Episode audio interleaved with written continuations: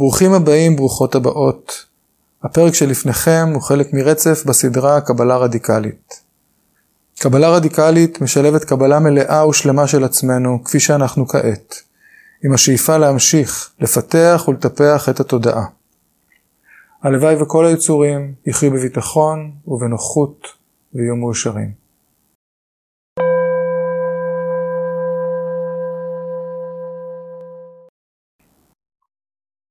אבל אני רוצה להגיד משהו על הסיפור, על, על, על איך, איך זרם הגלוק בבודהיזם הטיבטי מתייחס לריקות. כן, ואני מדבר עכשיו בעקבות הדלאי למה, וזה לא רק זרם הגלוק, אבל, אה, אבל זה, זה הרפרנס שאני אקח אה, לדבר הזה. ובעצם הטענה אה, של זרם הגלוק היא שאנחנו צריכים להסתכל על הריקות ועל התהוות הגומלין התלויה, פטיצ'ה סמופדה, כשתי, כשני צדדים של, אותו, של אותה מטבע. כן, יש את המטבע של הריקות, ויש את המטבע של התהוות הגומלין התלויה. ו, ואי אפשר להבין ריקות מבלי להבין התהוות גומלין תלויה, ואי אפשר להבין התהוות גומלין תלויה בלי ריקות. עכשיו בואו, אני אגיד למה אני מתכוון התהוות גומלין תלויה, כי המושג הזה מצד אחד בא ומתאר איזה 12 חוליות, שאני משער שרובכם מכירים, אבל בעצם בהקשר שאנחנו מדברים עליו עכשיו, יש פה משהו שהוא כמעט, אה, הייתי יכול לקרוא לו אונתולוגיה בודהיסטית, או תורת קיום בודהיסטית, אה, ואני שם את זה ב, עם אלף כוכביות, כי יש פה איזושהי סכנה, אבל בכל זאת אני הולך אה, לנסות אה, לגעת בזה. הטענה היא בעצם שכשאנחנו מדברים על ריקות, נכון? תמיד אנחנו מדברים על ריקות, בין אם זה אנטה בין אם זה ריקות, ריקות מעצמיות נפרדת וקבועה, נכון? ו... וזה רובד אחד של הריקות שאנחנו נתחיל, זה לא כל הריקות כולה, אבל זה איזשהו רובד של הריקות שאפשר להתחיל ממנו, ויחסית קל לנו להבין ארעיות. כן, קל לנו להבין, בואו נתחיל מהעצמי שלנו, קל לנו להבין שהוא ארעי, שהוא משתנה כל הזמן וכולי וכולי. אבל בעצם הדבר המשמעותי כאן הוא הסיפור של הנפרדות. הסיפור של אשליית הנפרדות, כן? והטענה היא שזאת האשליה הכי גדולה שאנחנו חיים בתוכה, שיש לנו הרגשה, בגלל שלי יש את הגבולות שלי, והנה אני כאן בביתי ברחובות ואתם שם, וכאילו, וכל אחד מאיתנו יש לו את, כאילו, אפילו, אפילו בני המשפחה שלי, לכל אחד מאיתנו יש את הגוף שלו, יש לי הרגשה שבגלל שהגוף שלי הוא מערכת סגורה, לכאורה, וגם התודעה שלי היא מערכת סגורה לכאורה, יש לי הרגשה שאני בתוך מערכת נפרדת. ובעצם, הטענה היא שאנחנו בתוך מערכת של התהוות, התהוות גומלין תלויה, שאנחנו כל הזמן, לא רק מתהווים כל הזמן, ולא רק ביחסי גומלין כל הזמן, אלא גם ביחסי תלות, כן? כי בעצם, גם הגוף שלי הוא תוצר של גורמים ותנאים, גם של זרע וביצית, אבל גם של כל האוכל שאכלתי וכל המים ששתיתי וכל האוויר שנשמתי, כן, ואני מותנה על ידי כל הדברים האלה. ויש איזה משהו, כן, טיך נתן היה המורה שדיבר על זה בצורה הכי יפה, יש בי איזה משהו שכשאני מסתכל על העץ, ולמזלי הטוב יש בחלון שלי עכשיו, אני רואה שם איזה עץ, אני מרגיש שהוא שם ואני פה, ואני גם מרגיש גם איזושהי אדנות. אני אדם, נעלה, אני יכול לכרות את העץ, אני יכול לשתול עצים, אני יכול לגדל עצים, כן? עכשיו זה כמובן, כן, זה, זה, כן, העצים היו פה לפנינו, הם יהיו פה כנראה גם אחרינו, כן, ו, ו, והם צומחים למרבה המזל באופן בלתי תלוי בנו, נכון, כן, זה, זה שאני יכול להרוס משהו לא, לא הופך אותי לבעלים שלו, אבל יש לנו איזשהו סוג של קולוניאליזם תודעתי, איזושהי השתלטנות כן? שאני מרגיש שאני אוטונומי ואני בלתי תלוי ואני כאילו, אני יחידה סגורה ואני לא מבין עד כמה העץ הוא אני ואני הוא העץ ועד כמה הענן הוא אני והענן הוא העץ ואם הטענות האלה לא ברורות אז, אז אפשר לשחק את המשחק ולבקש בקבוצה שכן אנחנו שכל יום שני, שני תורנים ישלחו שיר של תיך נתן על איך אני זה הענן ואני זה העץ ואני זה, ואני זה המים ואני זה הים ואני זה הכל כן ואני זה האוכל ש... שאכלתי, ו... ולא רק מי שבישל אותו, אלא גם, אפילו המוכ... אני, אני זה המוכר במכולת, שמכר את, ה... והעיקר בסין שגידל את האורז, והנהג משאית המעצבן שהסיע את האורז לאונייה. כן, אנחנו יצורים כל כך תלותיים, כן, אנחנו בעצם יצורים כל כך תלותיים, ש... עד כדי כך שאנחנו לא מבחינים בתלות. מרוב שאנחנו תלותיים אנחנו לא מבחינים בתלות. והתרבות וה... שלנו, במיוחד התרבות המערבית, במיוחד הקפיטליזם, מייצ... מייצר איזושהי אשליה של, של נפרדות ושל לבדיות ושל אוטונומיה ושל שליטה, ו... ונדמה לי שאם אני יכול לקנות את האוכל במכולת, אז בעצם זה אני, וזה שלי. וכאילו, ואני מרגיש שאני לא תלוי. אבל בעצם אין, אין שום דבר בגוף הזה ובתודעה הזאת, כשיושב בתוך הגוף, לצורך העניין, שהם לא משהו שאיזה עיקר מסין גידל, ו, או, עיקר מ... לא יודע מה, חבל עוטף עזה. והתלות הזאת היא גם תלות בגורמים ותנאים.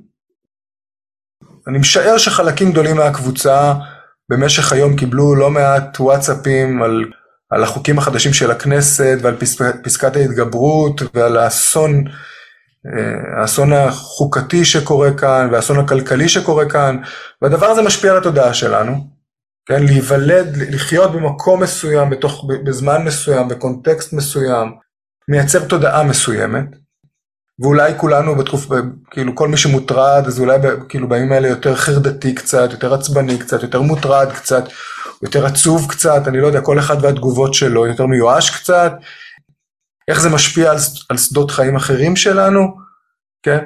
ואם אני חוזר אחורה, אנחנו גם, כן, אנחנו תוצר, כאילו מהרגע הראשון שהופענו בעולם, אנחנו תוצר של גורמים ותנאים, כן?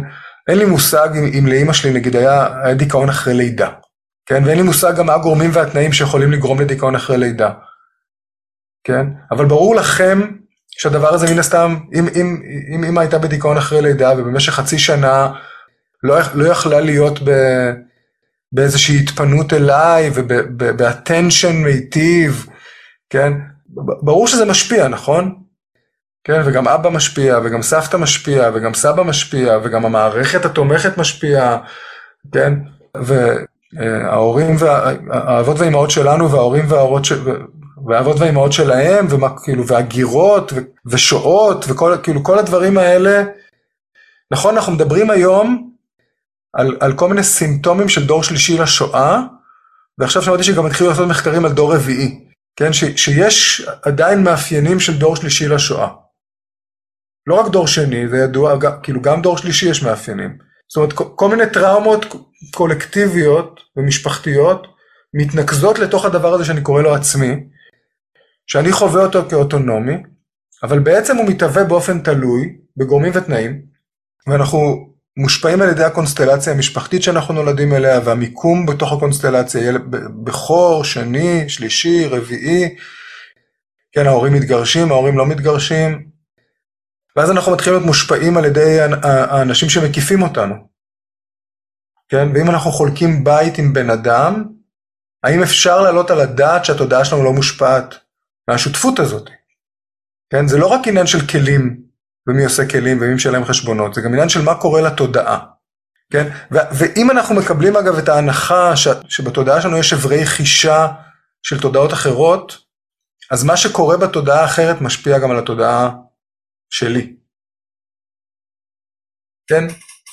התהוות גומלין תלויה היא, היא הטענה שהדרך היחידה לחשוב על הקיום של הדבר שלנו, לא רק שלנו, אבל כן, אלא באופן כללי, זה כהתהוות מתמדת, כן? הדבר הזה שאני קורא לו סאטי, כל הזמן מתהווה. אין, אין, לו אף, אין לו שום קביעות. כן, הוא לא, אין לו איזה רגע של יישות, הוא תמיד מתהווה, התהוות מתמדת, מתוך יחסי גומלין, אני ברגע הזה מתהווה בתור מורה, ברגע אחר אני מתהווה כאבא, כבן זוג, כאילו כלקוח, כן? יש כאילו, יש כל הזמן יחסי גומלין ויש גם כל הזמן תלות. אני כל הזמן מושפע מגורמים ותנאים. ו- ו- וצריך להגיד בהקשר הזה שחלק מאיתנו, וזה גם עניין תרבותי, עושים מאמץ נורא נורא גדול כן, לשים חומות ולהיות לא מושפעים, אבל אפילו הצורך לשים חומות, אם אני שם חומות זה, זה, זה רק אומר שבלי החומות האלה אני מאוד מאוד מושפע. אני גם מושפע מהטמפרטורות כאן. אם, אם אה, אני, אני מקווה ש, שאף אחד בחדר לא, לא מזדהה עם מה שאני אגיד עכשיו, אבל סטטיסטית סביר להניח שלפחות אחד. אם אני חולק בית עם מישהו שהתודעה שלו ממש ממש לא נוחה לי, אולי, אולי היא השתנתה במשך השנים, אולי עשיתי טעות, כן? אבל, אבל אני רואה שהתודעה הזאת מאוד מאוד, האנרגיות שזורמות ממנה לא מיטיבות איתי, ואני צריך כל הזמן שאני בא הביתה לשים חומות, כאילו, ולעשות איזושהי אטימה, כן? אז זה רק, זה רק מראה כמה אני מושפע, זה רק מראה עד כמה אני מושפע מתודעות אחרות שמקיפות אותי. וכשאנחנו מבינים את הנקודה הזאת, ברגע שאני מבין את עצמי, את הדבר הזה שאני קורא לו עצמי, כהתהוות גומלין תלויה, ואני מבין עד כמה אני תלוי במה שמקיף אותי, זה אחד הרגעים שבהם אני מבין, אה, יש פה איזושהי טענה על עד כמה התודעה שלנו עדינה, ועד כמה התודעה שלנו מושפעת. זאת אומרת, אני, אני אתחיל מדוגמה שטחית, אולי לא שטחית, אבל אם לגידי, אם החבר הכי טוב של גידי, שהוא, היה, שהוא יוצא איתו בערבים והולך איתו לטיולים ולא יודע מה, מה, עוד, מה, מה עוד הוא עושה עם חברים, היה מישהו שהוא אה, כל הזמן חי לו בריקות. והוא וגידי רגע כאילו מטיילים להם בשקיעה במצפה רמון והחבר הזה אומר וואי גידי תראה תראה איך, אה, איך ה, אה, הקו מתאר של ההר בעצם כאילו איך התודעה משלימה אותו שבעצם היא כל הזמן איכשהו מפנה את תשומת ליבו לריקות, וכשגידי אומר משהו על עצמו, והוא אומר לו, רגע, אתה סתם, אתה מבנה פה זיכרון, בעצם אין, אין אני. אפשר לחשוב, אפשר להבין איך, איך, אה, תדמיינו שסטיבן הוא החבר הכי טוב שלכם, כאילו, זה לא יכול לא להשפיע, נכון? עכשיו, כש, כשאני מבין את הדבר, ומצד שני, אם יש לי מישהו שאני בקשר קבוע איתו, והוא כל הזמן, עזבו שנייה אנשים עם כעס וזה, מישהו שהוא כל הזמן מושך אותי למהותנות. מישהו שכל הזמן מושך אותי כאילו ליצירה של עצמי ולהאחזות בעצמי, זה גם משפיע. וכשאני מבין את, את התהוות הגומלין התלויה, אז, ואני מבין עד כמה התודעה שלי מושפעת מהסביבה שלה, עכשיו אתם מבינים למה אני כל הזמן אומר לכם, תבואו ליפו, יש אה, בית קפה טוב ליד, זה לא שאני רוצה לפרנס את הבית קפה הזה, גם, יש לי, יש לי אחוזים שם, אבל בעיקר, אני, אני רוצה שגידי וסיוון ישתו קפה ביחד וידברו על ריקות. זה מה שאני רוצה, זה, זה, זאת הפנטזיה שלי. אז, אז אנחנו מאוד מאוד מושפעים, וכשאנחנו מבינים את מידת ההשפעה שלנו, אז אנחנו גם מתוך זה מוצאים את הכלים המיומנים של איך לעבוד עם ההשפעה הזאת. כאילו, אם אני רואה כמה אני מושפע, ואולי אולי, אולי אפילו אם אני רואה כמה אני מתגונן מפני השפעה, אז אני יכול גם להבין את ההשפעה ואולי גם, גם, להבין את, את ההתגוננות, גם להבין את ההשפעה של ההתגוננות. כן, מה קורה כשאני אה, כאילו מרים, מרים כאלה מחסומים, מה יקרה אם אני אוריד אותם, האם, האם, האם יש פתרון שהוא לא המחסומים האלה? כן, האם יש דרכים אחרות, פחות מאומצות, לא להיות מושפע מתודעות אחרות? כן? יש את, יש את הריקות, ויש את הצורה, כן? ויש יש, יש עכשיו שימי שיושב מולי, ואני אני, אני מחבר אותו לשימי של שבוע שעבר, ויש לי כרגע איזשהו דימוי של שימי, נכון? כן? במהלך השישה שבועות שלנו ביחד, נוצר לי כבר דימוי של שימי, כן? עכשיו הדימוי הזה הוא המצאה, כן, המצאה שקשורה לזיפים. שעל פניך, ולזה שאתה גבר, ולזה שיש לך איזה טיפה קהות בעור. וקצת לבן בשערך, כן, ואתה לומד דרמה. ושמעתי עליך עוד כל מיני פרטים. אז כאילו, אני יצרתי איזשהו דימוי של שימי, כן? עכשיו, הדימוי הזה קשור לשימי, אבל הוא לא שימי, נכון? וגם הדימוי שאתה, אבל גם הדימוי שלך בתודעה של שימי, הוא דימוי שקשור לשימי אבל הוא לא שימי. מה שאני אמרתי היום, זה היכולת הזאתי להיכנס לתוך השימיות, אבל גם לצאת ממנה. ללכת ולחזור. תודעה של בודה היא תודעה שנוכחת בו זמנית בריקות ובצורה. כן, אצל בודה יש את היכולת המדהימה הזאת של הבו זמניות להיות בריקות ובצורה. אצלנו, אנחנו רוב הזמן חווים את העצמיות שלנו בצורה מהותנית, ואז ניגשים אל הריקות, וכאילו, וגידי אני אגיד שהמשחק פה הוא משחק של תדירות, כן?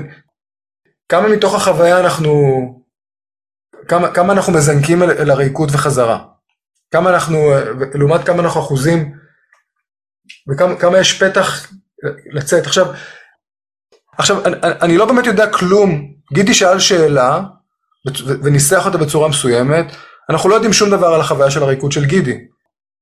כן, חלק מריקוד, מה שקורה לנו עם התרגול של הריקוד, זה שהעצמיות שלנו, שאם יש עצמיות נורא נורא סגורה ומהודקת, כן, אז היא לאט לאט נעשית יותר ויותר פרומה, יותר, יותר ויותר אה, רוטטת, יותר ויותר דיפוזית, יותר ויותר מחוררת בקטע טוב. שכבר אין את ההאחזות הזאת, כאילו, במי אני ומה אני. ויכול להיות שגידי אומר אין לי גישה לריקות, אבל העצמי שלו כבר מזמן, יכול להיות ש, ש, שדווקא אם, אם היה לו עצמי יותר מכונס, הוא אמר בטח שאני יודע מה זה ריקות, כי אני מחזיק את זה. כן? עכשיו גם הדבר הזה של להחזיק עצמיות, זה, זה החזקה, נכון? כאילו יש, איזה, יש שם איזה מאמץ מאוד מאוד גדול, שדייוויד לוי בא ואומר זו, דוקה. נכון? זה דוקה, להחזיק את זה, להחזיק את העצמיות הזאת כל הזמן, כאילו, לשמור את זה מהודק, כאילו, ולא להרפות מזה לרגע. ואני רוצה רגע להגיד דבר כזה, כן? יש אנשים שיש להם תחושת עצמי מאוד מאוד, מאוד, מאוד חזקה, כי הם מחזיקים. זה עוד רובד, לא, לא, זה עוד רובד, זה עוד רובד של דוקה. שמעבר לדוקה הבסיסית שמאפיינת את כל, את כולנו, יש פה רובד של היאחזות נורא נורא חזקה ושימור נורא נורא חזק של העצמיות. אני יכול לתת דוגמה, אני חושב שנתתי אותה, אבל לא נורא. אה, נרק, נרק, נרקיסיסטיות זה, זה מצב שבו אני מייצר איזשהו איזושהי דמות של עצמי, מקבע אותה, כן, ו... ו... ועכשיו, אני רוצה לתת את הדימוי האחרון שלדעתי הכי ממשיך, את, הכי ממחיש את התהוות הגומלין התלויה, חלקכם כבר שמעו אותו, אבל אי אפשר שלא, שלא לחזור עליו. אמ, אז, אז אני, אני חושב שאחת הדרכים ה, ה, שהכי מבהירות את התפיסה של התהוות הגומלין התלויה, זה באמת התפיסה של, של לחשוב על זה כתא בתוך גוף. וכשאנחנו חושבים על זה ככה, אז, אז דברים נעשים מאוד מאוד מובנים. כי אפשר לדבר על תא דם אדום. כן? יש תא דם אדום, יש, יש, יש ישות כזאתי, תא דם אדום. בגלל ששימי מחייך אנחנו נקרא לתא שלנו שימי. כן, והוא עכשיו כזה תהיה לו לרגל, והוא פגש שם את סיוון, והוא אמר לו, וואי, תקשיבי, אני מתכנן אה, לנסוע לכף יד ימין, ואף פעם לא הייתי שם, ונראה לי שהגיע הזמן, ויש לו איזו הרגשה של אוטונומיה נורא נורא גדולה. יש הרבה תאים בגוף, אבל אני, אני אוהב את תאי הדם האדומים, כי, כי הם, הם לכאורה יחידה שעומדת בפני עצמה. כן, הם מסתכלים על, על התאים, על תאי העצם, ואומרים, וואי, מסכנים, הם כבולים. לא יכולים לזוז, אני יכול ללכת לאיפה שבא לי. ובדימוי הזה, אנחנו בעצם משולים לתאי הדם האדומים האלה. יש לנו אשליה של נפרדות, יש לנו באמת איזושהי אוטונומיה. אגב, כמו תא הדם האדום, פחות אוטונומיה ממה, ש... ממה שנדמה לנו. כן? אנחנו הרבה פעמים נידונים לעשות כל מיני דברים. ו... אפשר לדבר על תא דם אדום, אבל בעצם אין, אין קיום לתא דם אדום מחוץ, מחוץ לרקמה או מחוץ לגוף. כן? המחשבה על הקיום של תא דם אדום בפני, כשלעצמו היא, מחשבה מופרכת. כן? זה לא, לא דבר שקיים. כן? ובאותו דבר לחשוב על עצמנו כאילו שאנחנו יכולים לתפוס קיום של עצמנו מתוך עצמנו ולא מתוך אקוטופ. שכולל בני אדם אחרים, בעלי חיים, צמחים וכולי, זה, מפרספקטיבה בודהיסטית זו פשוט מחשבה מופרכת. ואפילו סטטיסטית אני יודע שזה רלוונטי לקבוצה כאן, אה, חלק מאיתנו בכלל תאי דם לבנים, ואנחנו הולכים ומטפלים בעולם בכל מיני דרכים. פסיכולוגיה, עבודה סוציאלית, הוצאת ספרים, רפואה, כן, ונדמה לנו שיש הרבה אוטונומיה בדבר הזה. אני החלטתי להיות מטפל, כן, והטיפול הזה ספציפית, אבל כאילו בסוף, תאי דם לבנים, שברגע שיש איזו פציעה בגוף אז כאילו הם שומעים קריאה והם טסים לשם אפילו בלי, כן, מבלי מיסים מה שנקרא. ויש לנו אשליה מאוד מאוד חזקה שזה, של, של אוטונומיה, הטענה היא שיש פה פחות אוטונומיה ממה שנדמה לנו. ושוב, הסיפור של המטאפורה הזאתי, הדבר העיקרי הוא שאני יכול, שכדורית הדם האדומה היא ריקה, נורא ברור לנו שהיא ריקה מקיום עצמי נפרד וקבוע. אבל גם ברור לנו שאין שום דבר שאפשר לקרוא לו גוף שהוא לא התאים שלו. אי אפשר לדבר על גוף שהוא לא התאים שלו, כן? ו... ואם בחרנו בשימי בתור, בתור המדגים שלנו, אז אין שום דבר חוץ משימי. ופה אנחנו, פה אנחנו נכנסים, מתחילים להיכנס לעולם של החמלה, ואני, בשביל לעשות את החיבור בין הדברים, אני, אני אשתמש בעמנואל לוינס, הפילוסוף היהודי צרפתי, צרפתי יהודי, תחליטו לבד הנודע. ולוינס, האתיקה של לוינס אומרת ככה, כששימי עומד מולי, כשאני רואה את הפנים של שימי, כשאני רואה את העיניים של שימי, אז המערכת יחסים ביני לבין שימי היא כמו מערכת יחסים ביני לבין אלוהים, לצורך העניין. כן, זה כאילו כמעט, כמעט בגדר סגידה. כן, המחויבות שלי לפנים של שימי היא טוטאלית. כן, לוינס ממש מדבר ספציפית על הפנים וספציפית על העיניים, יש לו מאמר מפורסם הפנ... על הפנים, כן, הפנים האנושיות, וכאילו כל מה שאנחנו רואים בהם וכל מה שאנחנו רואים בעיניים האנושיות, ויש מחויבות אה, אינסופית לשימי. כן, ומצד, יש רק דבר אחד שמג, שמגביל את המחויבות שלי לשימי, וזה, כאילו, כך אומר לוינס, וזה זכ, זיכרון כל יתר הפנים. זאת אומרת, אני, אני זוכר את כל יתר הפנים, ולכן אה, זה, יש, פה, יש איזושהי מגבלה על המחויבות שלי לשימי. עכשיו, לכאורה יש פה משהו נורא אינטואיטיבי. נכון, אני הולך ברחוב, אני רואה קבצן, ואני אולי כאילו מחויב אליו, אבל אני זוכר את, אתכם, ואני זוכר את הילדים שלי, ואני זוכר את, אה, את פסיכודרמה, ואני כאילו זוכר עוד מלא מלא פנים אחרים, ואז אני מסתכל על הקבצן וממשיך ללכת. אבל לוינס אומר לנו משהו אחר, לוינס אומר רגע רגע רגע זה לא, לא כל כך בקלות, לא כל כך בקלות, כן? אתה לא יכול, כאילו מה שעשיתי, המהלך שעשיתי עכשיו זה מהלך שבו אני זוכר כל הפנים, רואה לרגע את שימי אבל, אבל, אבל כל הזמן רואה אותו בתוך הקונטקסט של כל הפנים, זה לא מה שלוינס אומר, לוינס אומר הרגע הזה שאני מול שימי, שימי הוא כל העולם כולו, ו, וזה רגע של מחויבות עמוקה ש, שאי אפשר אה, לבטל אותו. כן? עכשיו, מרטין בובר, החבר יריב של, אה, של לוינס, אומר, עמנואל, בוא, בוא, בוא לא נגזים. בוא, אי אפשר כל הזמן להיות במערכת יחסים כזאת עם כולם.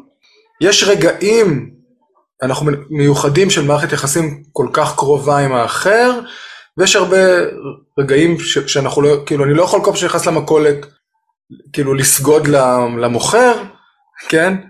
אה, לפעמים אני פשוט צריך לקנות לחם וללכת. אבל גם בובר אומר, אני מנסה להגדיל במידת האפשר את הזמנים שבהם יש נוכחות כל כך עמוקה שלי מול האחר. עכשיו, יש פה אגב ויכוח בין בובר ללוינס, לוינס עונה לבובר, תשמע, זה, לא ש... זה לא מה שביקשתי. לא אכפת לי הנוכחות שלך, וכמה אתה מתרגל מיינדפולנס, וכמה אתה ב-awareness, וכמה אתה present. עזוב אותי מכל השטויות האלה, אני מדבר איתך על זה שברגע שאתה רואה את העיניים של שימי, יש לך מחויבות אליו, נקודה. לא משנה מה, מצב ההכרה שלך באותו רגע, כן? לוינס הולך לאתיקה, כן? בובר נמצא מאוד מאוד חזק בעניין של, של מצבי הכרה ומודעות וכולי וכולי. לוינס אומר, אני מדבר איתך על אתיקה, אני מדבר איתך על מחויבות אתית. אני מדבר איתך על זה שאתה לא יכול, כל פעם שאתה נוסע בכביש, אתה רואה מישהו שעוצר בצד, אתה צריך לשאול את עצמך אם אתה יכול לעצור. כן, כל פעם שאתה רואה מישהו שצריך עזרה, אתה צריך לשאול את עצמך רגע. עכשיו, זה, זה, זה, זה יכול להיות נורא נורא מלחיץ, כי, כי אנחנו, לא יודע בקשר אליכם, המיילים שלי מוצפים בבקשות לתרומה, לחתימה, ל... כן, כל, כאילו, אתה נכנס ליוטיוב, תגידו, גם לכם זה קרה שכאילו, בתור מתרגל בודהיסט, כשמתחילים להציג לך את, התמונות, את הסרטונים האלה של הילדים חולי סרטן, אז אתה כבר רואה את זה עד הסוף, זה תרגול טוב, ואז יוטיוב קולט, אה, הנה אחד שנשאר, אז, אז זה כל מה שאתה מקבל. כן, אני, אוקיי, אני לא היחידי. אוקיי, אז אני, אני חוזר ל, לטענה הבסיסית, והטענה הבסיסית זה, להבין את הריקות מהפרספקטיבה של התהוות הגומלין התלויה, וההתהוות, אפשר לדבר עליה בשני מישורים. אפשר לדבר על המישור של כדורית אדם האדומה ושמה שימי, שכל הזמן מתהווה, כל הזמן מתהווה, בתוך יחסי גומלין ובתוך תלות, כי, כי, כי היא חלק מרקמה, כי היא חלק מגוף, כי היא חלק מאורגניזם.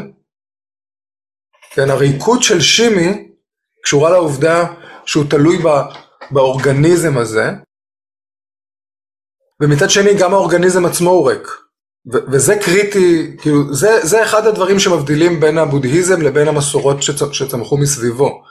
שאין פה איזה אטמן, אין פה איזה ישות אה, נצחית, ששימי הוא חלק ממנה, כן, ו- ו- ומתקיים בתוכה, או מתהווה בתוכה, או מופיע בתוכה.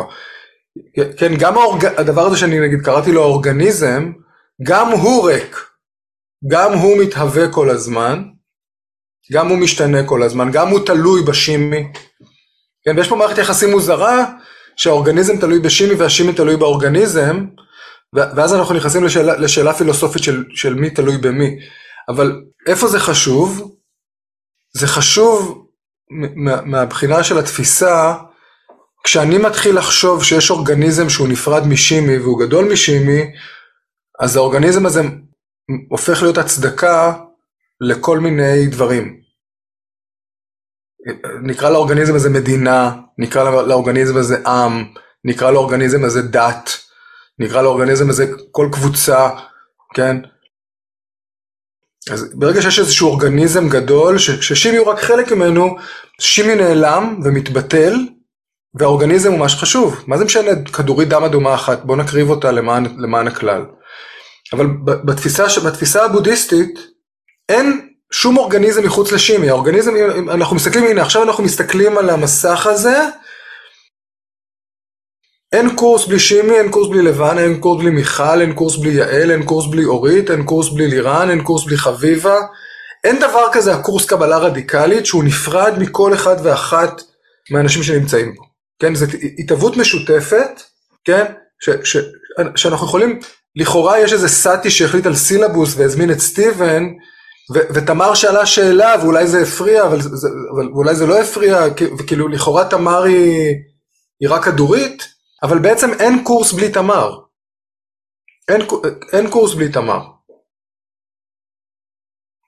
ויש לנו את האשליה הזאתי, כן, הרי, הייתי יכול כאילו לחתוך את השוליים של הזום, את כל השתי שורות, תדמיינו שאנחנו מורידים את שתי השורות הימנית והשמאלית ומזיזים אותן הצידה.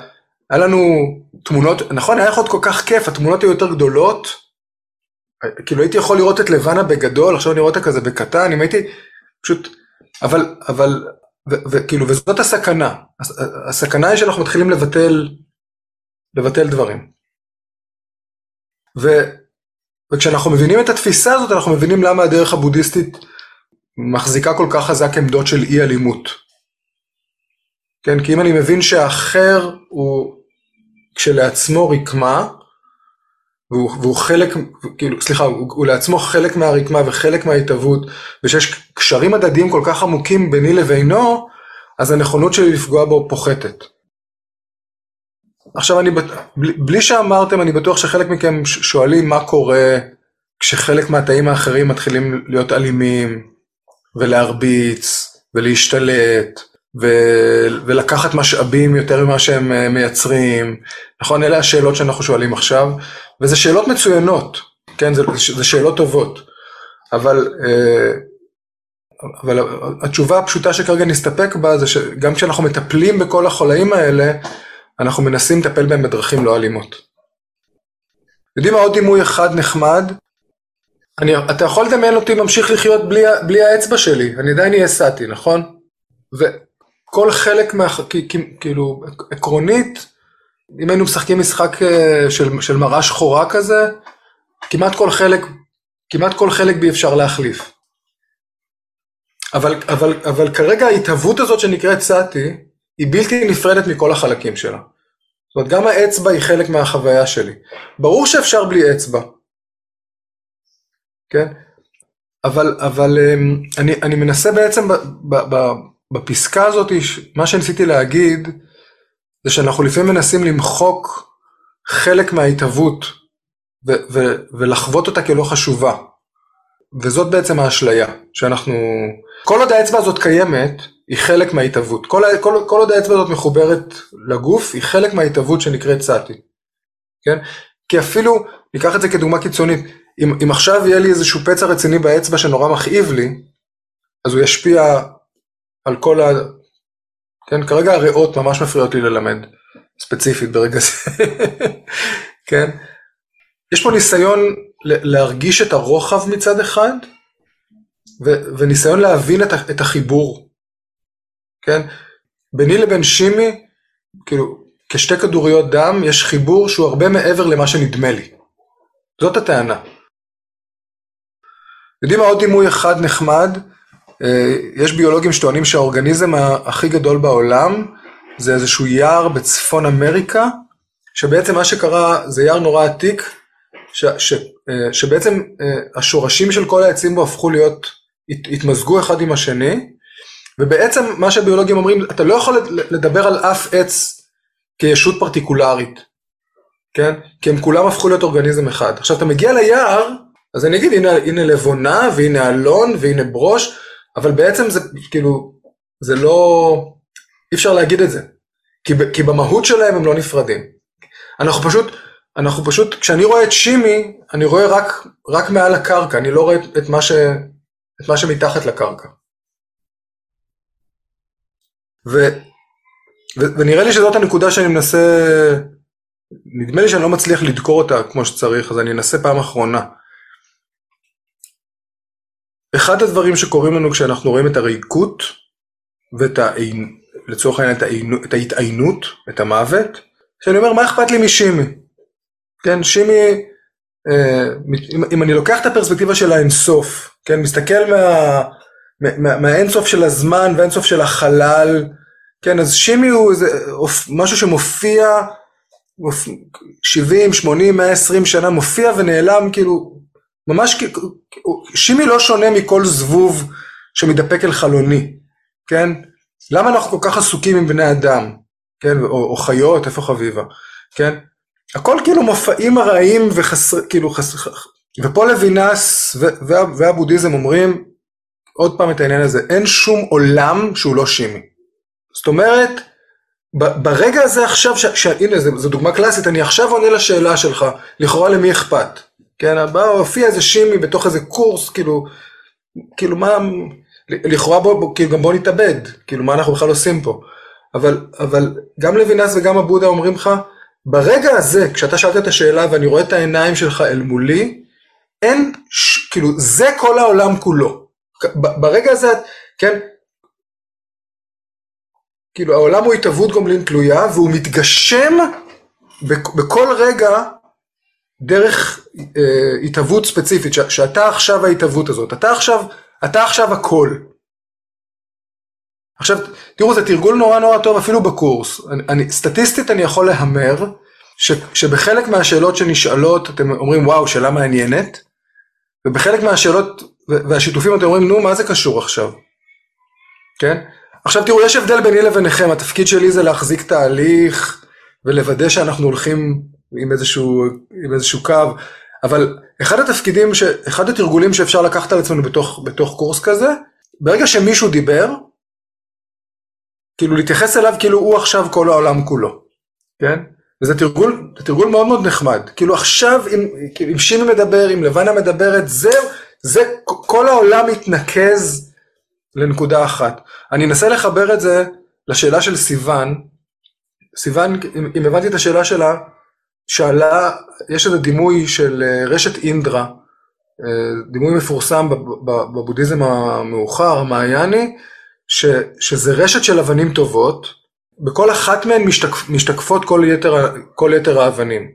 כן, כאילו באבן שנקראת סיוון אני רואה את כל שמונה, שמונה מיליארד האחרים, או אם, אם חביבה כאן חמישים מיליארד, מאה מיליארד היצורים החשים, ובעצם אנחנו תדמיינו כזה, דמיון כזה של, של, של המון המון המון אבנים טובות שנמצאות ככה בארמון של אינדרה, ובכל אחת מהן יש, יש להם אינסוף פאות, וכל שאר האבנים משתקפות בתוך כל אבן. ובעצם הטענה היא שאי אפשר לדבר על הקיום של אחת האבנים הזאת במנותק מה, מהרשת. כן, שככה, ש, ש, זה, זה עוד דימוי, שאם אפשר להבין את הקיום שלנו, אז יש כמובן אבנים פרטיקולריות, כל, כאילו הרשת מורכבת מאבנים פרטיקולריות, אבל אין לאבנים האלה קיום מחוץ לרשת, וגם כל מה שאתה רואה זה את הרשת. אם ניקח את זה ל, לימינו, כשאני מסתכל על סיוון, אני רואה את אימא של סיוון ואת אבא של סיוון ואת החברים של סיוון, וכאילו כל האקוטופ, והנה אני רואה שם את לבנה, בסיוון, ואני רואה שם את שימי בתוך סיוון, ואת תמר, וכן, חלק מאיתנו יותר גדולים, חלק מאיתנו יותר קטנים, אבל אין סיוון שהיא מנותקת מתוך, מתוך כל האקוטופ ש, שהיא נמצאת בתוכו, ו, אה, ואי אפשר להבין את סיוון במנותק מהאקוטופ הזה. וזה אקוטופ נורא נורא רחב, כן, מי, מי, כן, חלק מהאנשים כבר לא בחיים, סף, הנה, הנה סבתא רבתא של סיוון, כאילו אפילו היא שם, וסיוון לא פגשה אותה אף פעם, עדיין היא שם. בתוך, הסיב... בתוך סיוון, רק צריך להסתכל טוב. אז, אז רשת אינדרה זה דימוי שבא לתאר את התהוות הגומלין התלויה, הוא בא, לתאר מצד אחד כל אבן מתהווה כתלות בכל האבנים האחרות, וכשהאבנים האחרות משתנות, כאילו כל הרשת משת, משתנה ביחד, לכן היא מתהווה כל רגע מחדש. זה, זה עוד דימוי, זה כמו הדימוי של האורגניזם, זה פשוט בקיצור, זה עוד דימוי. מי שמדמיין את זה ורואה את הדבר המרהיב הזה לנגד עיניו, אז כיף לו.